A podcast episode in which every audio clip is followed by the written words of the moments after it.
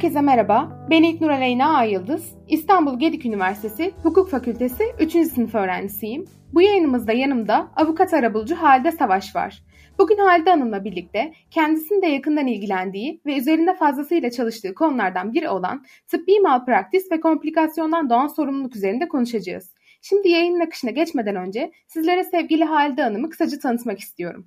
Avukat arabulucu Halide Savaş, hukuk lisansını Marmara Üniversitesi'nde tamamlamış, mezuniyetinin ardındansa Marmara Üniversitesi Sağlık Bilimleri Enstitüsü Sağlık Kurumları Yöneticiliği Yüksek Lisans Programı'nı, sağlık çalışanlarının ve sağlık kurumlarının tıbbi müdahaleden doğan sorumlulukları konulu test çalışması ile tamamlamış ve doktora eğitimine de devam etmiştir.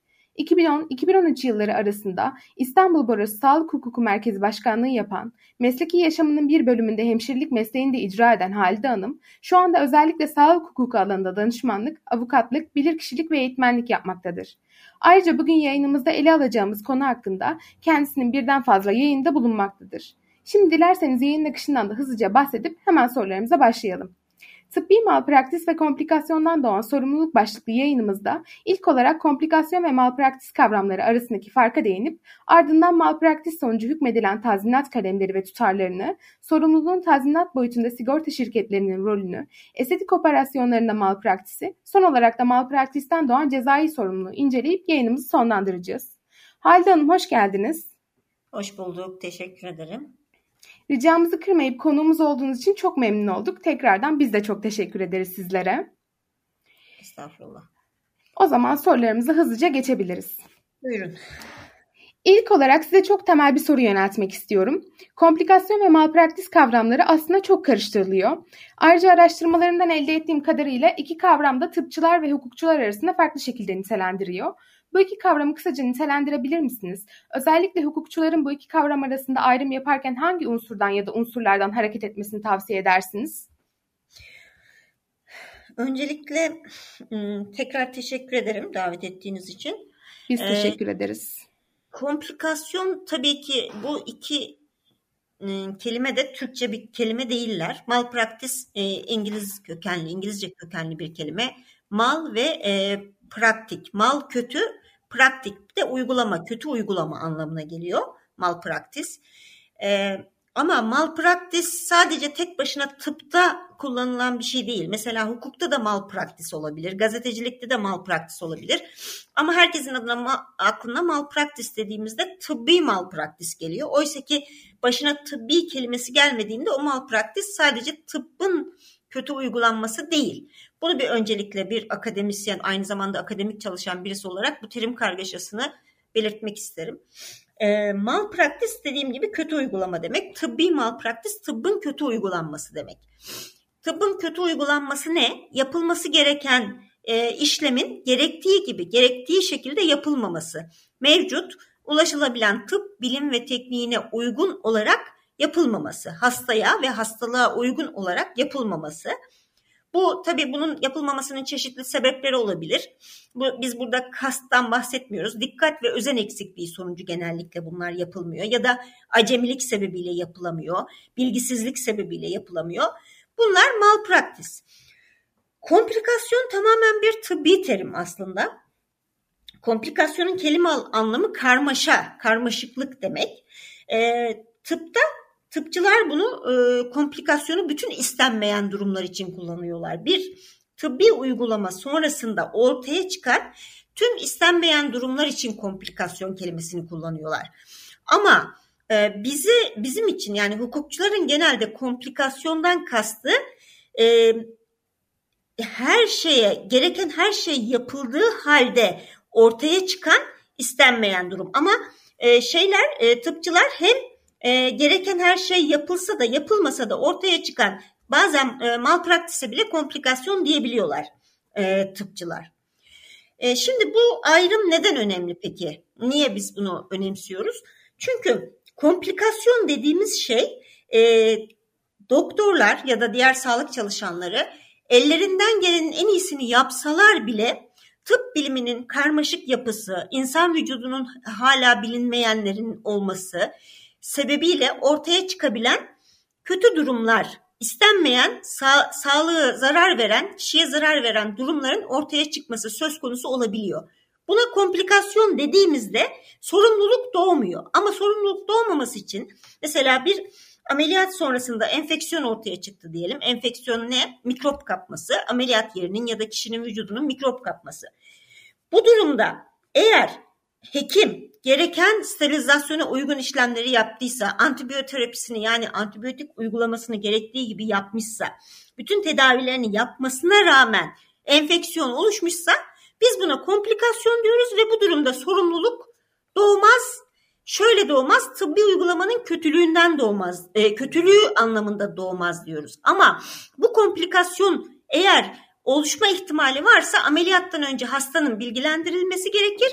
Bilgilendirilmişse, bilgilendirilerek bu e, ameliyata onam vermişse yani o, o enfeksiyon oluşması ihtimalini göze alarak kabul etmişse ameliyatı o zaman sorumluluk doğmaz diyoruz. Ama e, uygulamada herkes zannediyor ki komplikasyon dediğin anda sorumluluk hiç doğmaz. Öyle bir şey yok.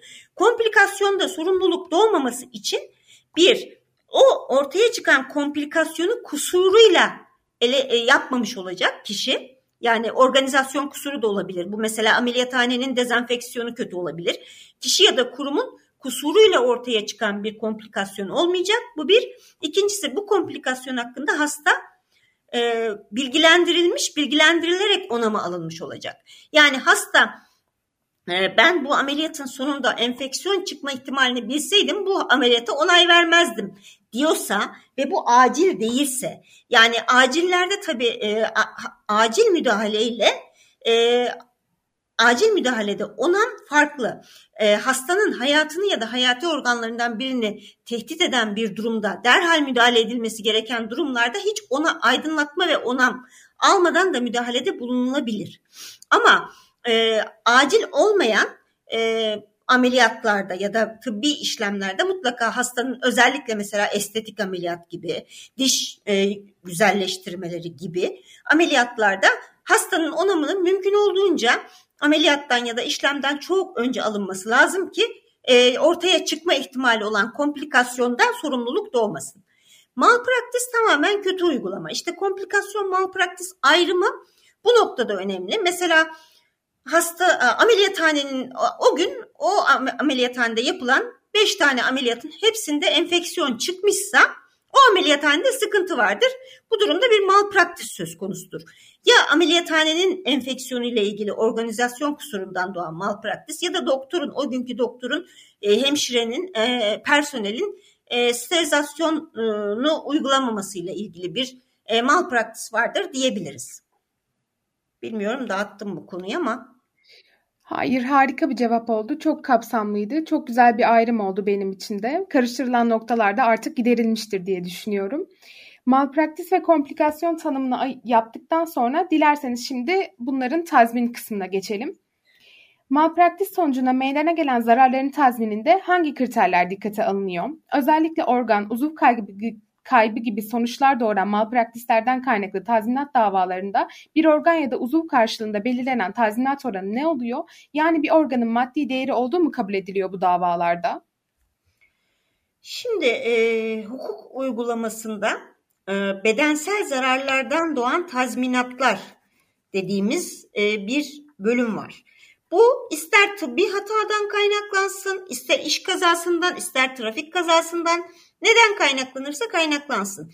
E, bedensel zarar söz konusu olduğunda yani bahsettiğiniz işte uzuv kaybı, uzuv zaafı gibi e, mesela e, bir kolunun kaybı, e, parmağının kaybı bunun sebebinin tıbbi hata olmasıyla trafik kazası olması arasında bir fark yok. E, bu nedenle bu tip bedensel zararlarda e, maluliyet önemli, maluliyet derecesi önemli. E, buna göre bir aktüerye hesabı dediğimiz aslında tazminat hukukçularının yapması gereken bir hesap söz konusu. E, mesela maluliyet oranı hesaplanıyor. Bir kol kaybında adli tıp e, kurumuna ya da bu konuda uzman doktorlara gidiliyor. Maluliyet oranına göre e, biz ona çalışma gücü kaybı hesabı yapıyoruz. Aktüerye hesabı. TRH 10 e, tablosuna göre, müstakbel yaşına göre e, kazandığı ne kazanıyorsa şu anda mesela e, bu işlem maliyet gerçekleşmeden önceki aldığı maaşını ya da e, işte ne kadar geliri varsa bunu Buna göre bir hesap yapıyoruz. O yüzden biz şöyle bir şey söyleyemiyoruz. Yani e, bir kol kaybedilirse şu kadar e, alınır, bir bacak kaybedilirse bu kadar alınır ya da yüzde doksan maluliyette şu kadar alınır diyemiyoruz. Çünkü başka bir sürü faktör var. Mesela yaş. Yaş çok önemli. Bir bebek söz konusuysa mesela en çok tazminatlar bebeklerde çıkıyor. Bebeklerde özellikle yeni doğan retinopatisi dediğimiz ROP diye bir olay var, muayenesi var. Ve yeni doğan eğer prematüre ise yani erken doğmuş ve düşük doğum ağırlıklıysa bu bebeğin 28 günlükken göz muayenesinin yapılması gerekiyor. Eğer yapılmazsa gözleri kör olabiliyor. Bu şekilde çok olay var e, ülkemizde. E, ciddi tazminatlar ödenen. Çünkü bu kişi %90 malul oluyor. %90 belki de bilmiyorum. Yani iki gözü de görmezse e, tam malul oluyor. Bakıcı gideri ortaya çıkıyor ve bir bebeğin bir ömür boyu 70-80 yıl e, bakıcı giderinin e, aylık hesaplanması söz konusu oluyor. Bu 7 milyon 4 milyon gibi e, tazminatlar böyle çıkıyor. E, ama ben size şu anda işte bir kişinin e, şu kolunu kaybetmesi halinde ortalama tazminat şu kadardır diye bir şey söyleyemem. Çünkü bu e, kişinin kendi geliriyle gelirine göre değişiyor, yaşına göre değişiyor, maliyet oranına göre değişiyor her şeyine göre değişiyor. Dosya kapsamında spesifik olarak değerlendirilebilecek bir şey. O yüzden genelleme yapamam. Tamamdır. O zaman ben de bu cevabınızdan hareketle size bir soru daha yöneltmek istiyorum. Be özellikle bebeklerde e, malpraktisten doğan zararların çok fazla olduğunu söylediniz. Bu zararları da göz önünde tuttuğumuzda Türk yargısında malpraktis nedeniyle hükmedilen tazminat mahkemeler tarafından bir cezalandırma aracı olarak kullanılıyor mu? Yok kullanılmıyor. Türkiye'de tazminatlar çok yüksek değil. Özellikle malpraktis tazminatları çok yüksek değil.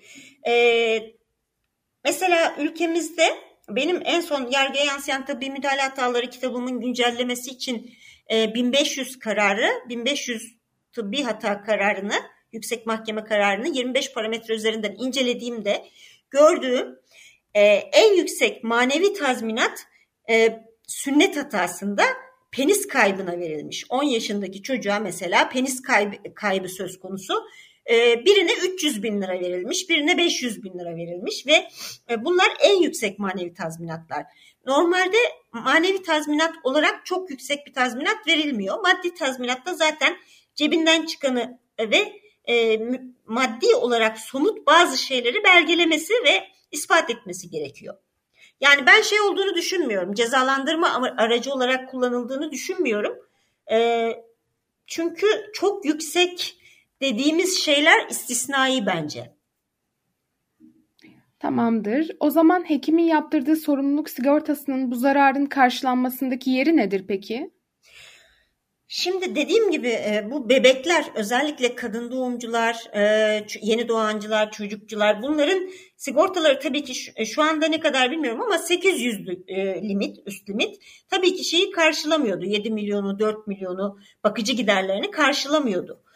Ama karşılayan sigortalar da var. Yani mesela 400 bin lira çıktığında 800 bin lira ise limit 400 bin lirasını karşılıyor. Yani şu anda sigortanın en üst limiti kaç bilmiyorum ama tabii şeyden şeye de değişiyor. Hekimden hekime de değişiyor. Ee, en yüksek kadın doğumcularınkiydi en son. 1000, 1200 liraydı. 1 ee, milyon 200 bindi yanlış hatırlamıyorsam. Onlar da gerçi ihtiyari ve tamamlayıcı sağlık e, sorumluluk sigortası yaptırmaya başladılar diye biliyorum. E, bu sigortaların karşılaması tabii ki e, mümkün. Ama sigortanın çalışması da şöyle. E, mesela bir hekim hakkında tazminat davası açıldığında e, o hekim e, sigortaya başvurduğunda sigorta o e, 800 bin lirayı kenara koyuyor. Onu muallak olarak koyuyor. Ve yıllar süren dava. Bizim davalarımız en az 10-12 yıl sürüyor kesinleşmesi bir tıbbi hatanın. Çünkü e, tıbbi hata davalarında mutlaka bir adli tıpa bir üniversiteye gidiyor bilirkişi raporu. Ve tıbbi bilirkişi bulmak çok zor oluyor ülkemizde. E, çoğu bilirkişiler e, gerçekten üniversitelerdeki bilirkişiler öğrenci yetiştirmekten bakamıyorlar. E, diğer e, kişiler zaten e, komisyonda olanların zaten elinde çok dosya var. Adli tıpa giden dosyalar adli tıpın işi çok uzun olduğu için çok geç geliyor. E, o yüzden bizim ülkemizde tıbbi hata dosyalarının sonuçlanması çok uzun sürüyor. Dolayısıyla e, sigortalar da buradan zarar ediyorlar o parayı o kenara koydukları için. O yüzden çoğu sigorta şu anda sigortalamak istemiyor sanırım hekimleri ama zorunlu olduğu için e, şu anda sigortalanıyorlar. E, tabii hastanın doğrudan sigortaya başvurma hakkı da var. Mesela tıbbi hataya uğradığını söyleyen bir hasta ticaret mahkemesinde doğrudan hekimin sigortasına başvurabilir. Hekimin sigortasının nerede olduğunu ve sigorta poliçesinin numarasını bilmesi lazım. E, bunu öğrenmek için de hekimin sicil numarasıyla, TC kimlik numarasıyla e, merkez mesleki sorumluluk sigortası zorunlu olduğu için sigorta merkezinden bunu öğrenebiliyor. E, bu şekilde davalar da açılabiliyor. Teşekkür ederiz. Şimdiye kadarki akış bence harikaydı. Şimdi sosyal medyalarda özellikle çok gündem olan bir konu, konuya değinmek istiyorum. Estetik operasyonlarında hekim ile hasta arasında kurulan sözleşmelerin hukuki niteliği özellikle gündelik yaşamda oldukça karıştırılıyor. Bu konu hakkındaki karışıklığı da giderebilir misiniz? Ee, şimdi şöyle, bizim e, estetik operasyonlarda e, plastik ve rekonstrüktif cerrahla hekim arasındaki özeldeki e, sözleşme kuruluyor. Özel e, hastanede tabii özel hastanede sözleşme ilişkisi söz konusu. Kamudaki e, estetik cerrahlarla kamusal bir ilişki söz konusu. O hukukta temel bir ayrım zaten. Biri kamu hukuku, biri özel hukuk. Özel hukuktakini kastedersek, söylersek bu bir hekimlik sözleşmesi. Kime giderseniz gidin. Bütün doktorlarla yapılan e, sözleşmenin adı hekimlik sözleşmesi. Doktorla hasta arasında nasıl bir sözleşme oluşuyor? Ee, biz mesela doktorlar ben onlara bir şeyler anlatırken konuları anlatırken biz hastayla bir kira mukavelesi gibi bir şey imzalamıyoruz. Siz sözleşmeyi nereden çıkarıyorsunuz diyorlar. Ee, ama e, tabii şu net hasta e, gelip hekime e, ben sana muayene olmak istiyorum dediğinde hekim de bunu e, buyur gel e, şuraya hazırlan dediğinde bu sözleşme kurulmuş oluyor. Biz bunu nereden çıkarıyoruz? Gerek borçlar genel, borçlar hukuku, genel hükümler e, hukuk bilgilerimizden gerekse borçlar hukuku özel hükümlerdeki vekalet sözleşmesi hükümlerinden.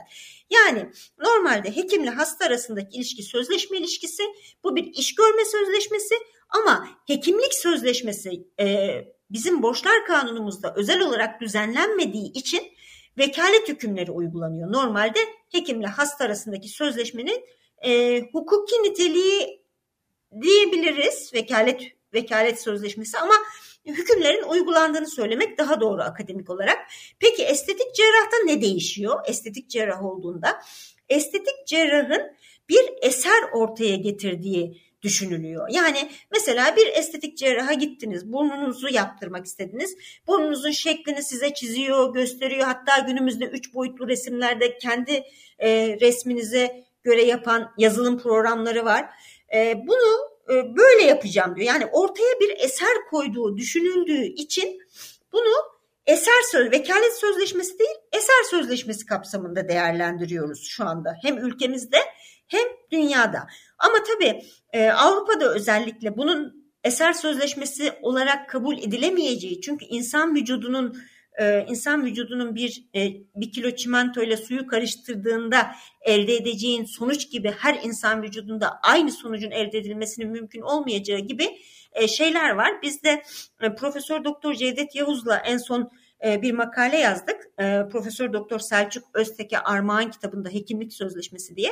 Biz de aynı görüşteyiz. Yani estetik cerrah bir eser bile oluşturuyor olsa aynı şeylerin aynı sonucu vereceğini söyleyemediğimiz için bunu eser sözleşmesi kapsamında kabul edemeyiz diyoruz. Peki ne önemi var? Ha eser olmuş ha vekalet olmuş. Şu yönden çok önemli. Vekalet sözleşmesinde sonuç taahhüdü yok. Vekil yani hekim tabi burada avukatlar da aynı şekilde elinden gelenin en iyisini yapmayı taahhüt ediyor vekalet sözleşmesinde. Ama eser sözleşmesinde sonuç taahhüdü var. Sonuçta ortaya çıkan şey e, başta taahhüt ettiğin gibi olmazsa sorumlu oluyorsun. Mesela bir binayı sen e, dört pencereli bir kapılı yapmayı taahhüt ettin ama üç pencereli yaparsan o bina istisna eser sözleşmesi aynı zamanda inşaat sözleşmesi çünkü diğer adı. E, o zaman o kabul edilemez oluyor ve yüklenicinin yani inşaatı yapanın sorumluluğu doğuyor. Eser sözleşmesi olarak kabul edersek de bu kişi burnunu beğenmediğinde sorumluluk doğmuş oluyor. O yüzden hekimler için biraz sıkıntılı bir konu ama ülkemizde Yargıtay'ın e, artık yerleşmiş kararlarında, sabit kararlarında e, gerek plastik cerrahi gerek diş diş protez, diş yapımı, gülümseme gibi, e, çene yapımı gibi konularda eser sözleşmesi hükümlerini uyguluyor ve ayıptan sorumluluk kapsamında kabul edilemez olduğunu tıbbi e, olarak ve yüklenicinin yani hekimin sorumlu olduğunu e, söyleyen kararlar var. Teşekkür ederiz. O zaman şimdi son sorumuza geldik. Özellikle hastaların rızası alınmadan girişilen operasyonlarda meydana gelen tıbbi hatalarda hekimin cezai sorumluluğu nedir? Bu durum Türk Ceza Kanunu kapsamında hangi suça karşılık geliyor? Şimdi hastanın rızası olmadan bir tıbbi operasyon nasıl gerçekleştirilebilir? Ee, yani hastayı zorla birisi ameliyat masasına yatırıp da ameliyat edemez. Hani e, bu zaten böyle bir şey olursa bu zaten direkt yaralama, kasten yaralama olur. Hastanın rızasının olmamasından neyi kastettiğinizi çok iyi anlayamadım ama birincisi acil bir müdahale söz konusuysa hastanın hayatını ya da hayati organlarından birini tehdit eden bir durum varsa ve hastanın bilinci yoksa zaten o hastaya müdahale yapılır. Ona mı aranmaz, ona mı aranmaz yani burada cezai bir sorumluluk doğmaz. Ama e, böyle olmadığı takdirde eğer e, onamı olmadan hastanın vücuduna dokunulursa bu tabii ki e, kasten yaralama olur. Ama tıbbi uygulamada e, bunun pek olası olduğunu düşünmüyorum açıkçası. Ne olabilir? Onamın usule uygun alınmamış olması olabilir. Mesela e, nasıl usule uygun olacak? O komplikasyon hakkında bilgilendirilmemiş olması ya da onam formunda o komplikasyonun olmaması gibi durumlar olabilir. Bu durumda da cezai olarak e, yine kasıttan sorumluluk doğacağını düşünmüyorum uygulamada. Taksirden sorumluluk doğacağını düşünüyorum. Dikkat ve özen eksikliği sonucu o andaki e, durumun öngörülemeden gerçekleştirilmesi olayının doğacağını düşünüyorum. Yani cezai sorumluluk bakımından e, tabii tıbbi hatalarda cezai sorumluluk bakımından aydınlatma biraz daha e, geride kalan bir durum. E, sadece aydınlatmanın olmaması sebebiyle e, vücuda müdahalede ceza e, kararı hatırlamıyorum açıkçası. Sadece bu sebeple cezalandırılan ve yargılanan bir hekim ülkemizde hatırlamıyorum. Ama tabii maddi manevi tazminatta aydınlatma olmadan vücuda müdahale kişilik haklarına zarar verdiği için kişilik haklarına e, yani benim haberim olmadan mesela en son bir karar vardı. E, hastanın e, sağ kulağını ameliyat edeceğiz diye girmişler ama sol kulağını ameliyat etmişler. E, kişilik haklarına e, hukuka aykırı olarak müdahalede bulunulduğu için manevi tazminat verilmiş. Ülkemizde de var bu. Amerika'da da zaten 1905 yılında ilk e, aydınlatılmış olan vakası olan Moore Williams vakası da bu kapsamda böyle aynen ameliyata girmeden önce başka bir şey söylüyorlar ama ameliyatta öbürünü söyle, öbürünü yapıyorlar. Hasta iyileşiyor ama yine de benim rızam dışında bu iş yapıldı diye tazminat alıyor. Ama ceza biraz karışık. Ceza olayı ülkemizde biraz karışık. Daha aydınlatma bakımından şey aranıyor. Yani illa sonucunda bir yaralanma oluşması aranıyor. Sadece aydınlatılmama sebebiyle cezalandırıldığını ben görmedim şu zamana kadar. Bizim burada zaten kastettiğimiz şey acil servislerde bilinç kapalı halde yapılan müdahaleler, işte tamamen aydınlatılmış onam alınmadan yapılan müdahalelerdi. Zaten oraya da değindiniz. Hı hı. Az önce de belirttiğim gibi sorularımızın sonuna geldik. Sizin eklemek istediğiniz bir şey var mı son olarak? Yok, teşekkür ediyorum. Güzel çalışmalarınızın devamını diliyorum. Biz teşekkür ederiz. Benim için aslında çok keyifli ve bilgilendirici bir yayın oldu. Sayenizde ele aldığımız konu hakkında faydalı ve güncel bilgiler edindim. Davetimize karşılık verdiğiniz için tekrardan çok teşekkür ederiz. Başka yayınlarda da görüşmek dileğiyle. Sağlık ve hukukla kalın.